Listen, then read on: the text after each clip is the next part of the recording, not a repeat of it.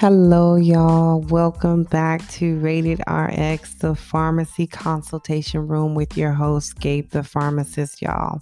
I'm so happy that y'all are here and that y'all have joined me on this podcast. So, yeah, y'all, just a warm welcome again. My name is Gabe or Gabriel Cottrell. I am a practicing pharmacist or clinical pharmacist in a nearby hospital. And um, I created this podcast just as a platform to talk about everything medicine, to talk about everything vitamins, and also to talk about some herbs as well. So, my big mantra is that I believe that, you know, having the public to know and understand about their medications, that will really help people to, you know, first of all, take their medications and, you know, take care of themselves, but also have great information on how to take control of their life and take control of their health, which I believe you all can, and we can do it together. So, yes, y'all, just as a disclaimer, yet I am a clinical pharmacy uh, pharmacist. I am just not your clinical pharmacist. Womp, womp, womp. You know, I'm just playing.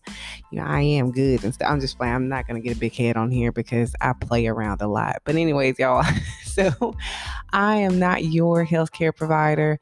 Um, so, with that said, anything that you hear on this podcast, please take it back to, you know, your own primary care help or primary healthcare team and also research it yourself. I'm always ask people, you know, dig in more for yourself, know the material for yourself, and also um, talk to your healthcare providers about the information that you receive here and the stuff that you research on your own, just to make sure that you are receiving the best care for you because healthcare can be very individualistic. Okay. All right, y'all.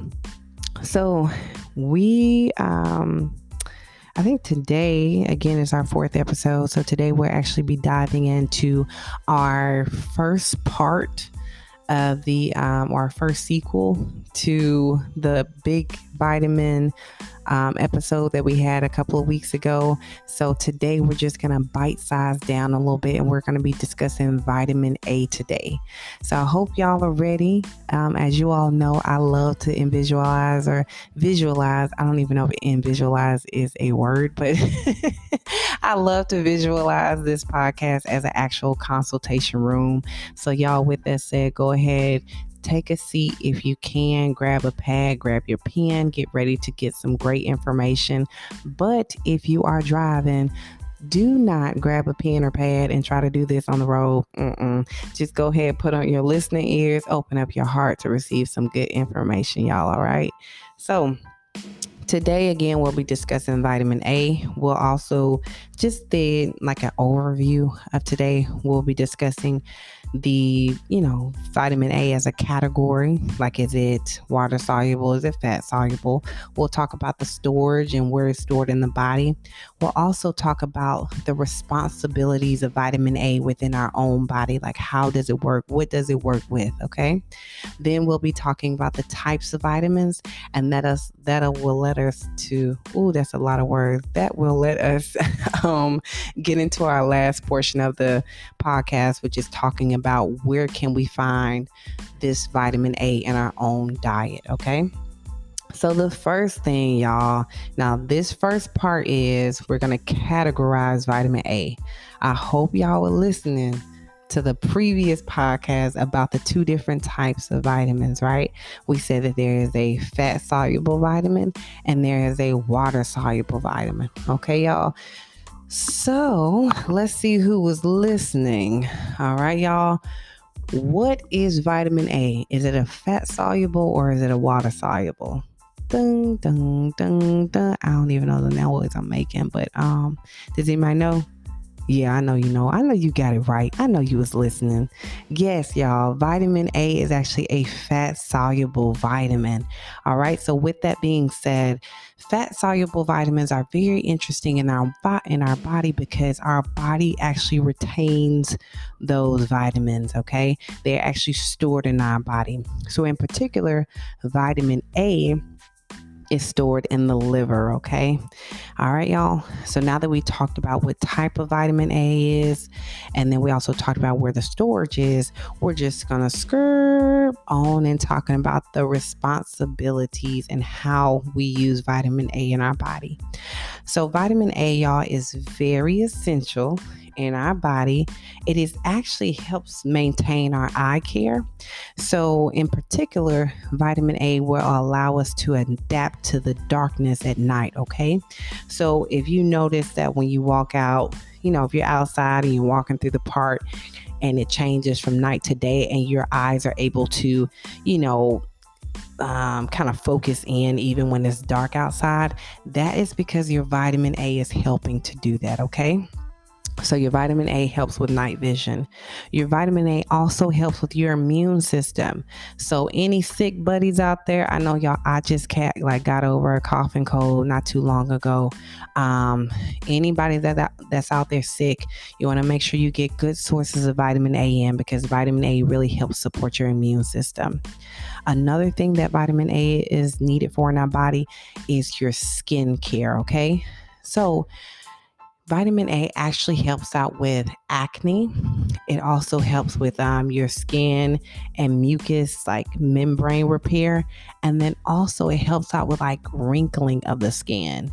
So, a good thing to know is that, you know, although vitamin A can be used orally, like in a tablet or capsule form, but it can also be used as a topical agent.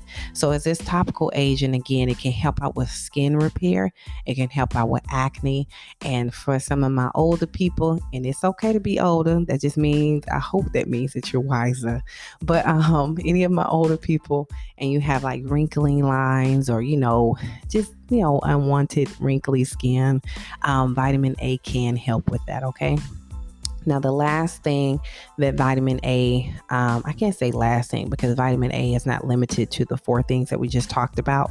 But one of the another big banger that vitamin A is for, is used for, is as an antioxidant in our body. So antioxidants are really good. They're like scavengers and they help um, you know, pull out bad things, especially cancerous and other type of diseases in our body and helps protect our body. Okay.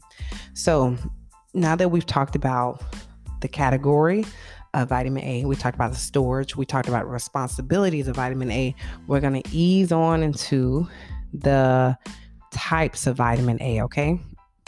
So, vitamin A, there's two different types of vitamin A, y'all. There's a pre vitamin A and there's a pro vitamin A. All right, say it with me again because you know I like my songs. Pre vitamin A and pro vitamin A. And pre vitamin A and Yep, you got it. Pro vitamin A. Okay, y'all. Those are the two different types of vitamin A.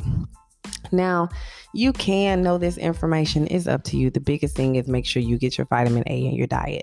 But pre vitamin A, as an overview, it's just a hardcore vitamin A. It's nothing else. You don't have to convert it in your body. Pre vitamin A is just, it is what it is. Some types of pre vitamin A is actually what you find in like your meats, and especially in your meat organs, such as the liver. So, fish livers, animal livers. Um, you can also find in like um, dairy products, like um, and also eggs as well. So those are your um, pre vitamin A's, and this is a direct. You know, it is vitamin A. You don't have to convert it, or your body does not have to convert that. Okay. Now, speaking of pre vitamin A, pre vitamin A is actually the best absorbed in your body. Okay. So it's like the can't really say best absorb, but it's like the best form of vitamin A. Okay. A lot of people don't really care for pre vitamin A just simply because you find a lot of it in organ meats. And then some people are vegan or vegetarian, so they prefer not to receive their vitamin A in this form. But hey, that's okay. If you don't want to, there's also another form of vitamin A, and that's the provitamin A. Now, provitamin A. it's a little different because your body has to convert it into vitamin A. It's not it's not the direct thing. You your body again has to convert this precursor into vitamin A. But that's okay. Now, a lot of your provitamins are found in plant foods, okay? So, again, y'all, as an overview of what types of vitamin A, there's a pre vitamin A. That's the actual source of vitamin A. And that's, you know, like your organ meats and things of that nature. And then also you have your pro vitamin A, and that's a precursor that's found in plants. So, y'all, we about to get on to the end of this um, today. And our last thing that we're going to discuss about vitamin A is where can we find this in our food? And that's a big one, okay? So, three things to look at, especially when we're talking about our provitamin A. Now, when we're talking about our um, provitamin A in particular, because we said pre-vitamins majority of the time found in your um, found in your meats and everything like that, and especially in animal livers. But your provitamins, when you think of that, think of green vegetables and fruits, and then also think of yellow and orange fruits and vegetables. Okay, so when you think of vitamin A in your diet that's non animal sources.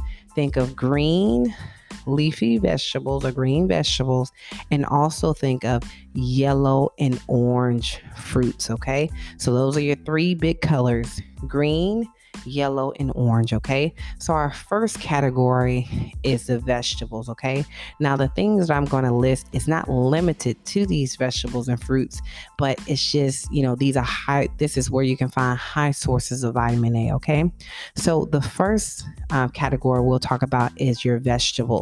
So a lot of your um, vegetables are these vegetables that have good vitamin A sources is your broccoli, carrots, collards, kale, sweet potatoes, and yellow squash. Again, that list is broccoli, carrots, collards.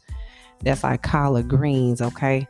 Collards, kale, sweet potatoes, and yellow squash, okay? That's our vegetables.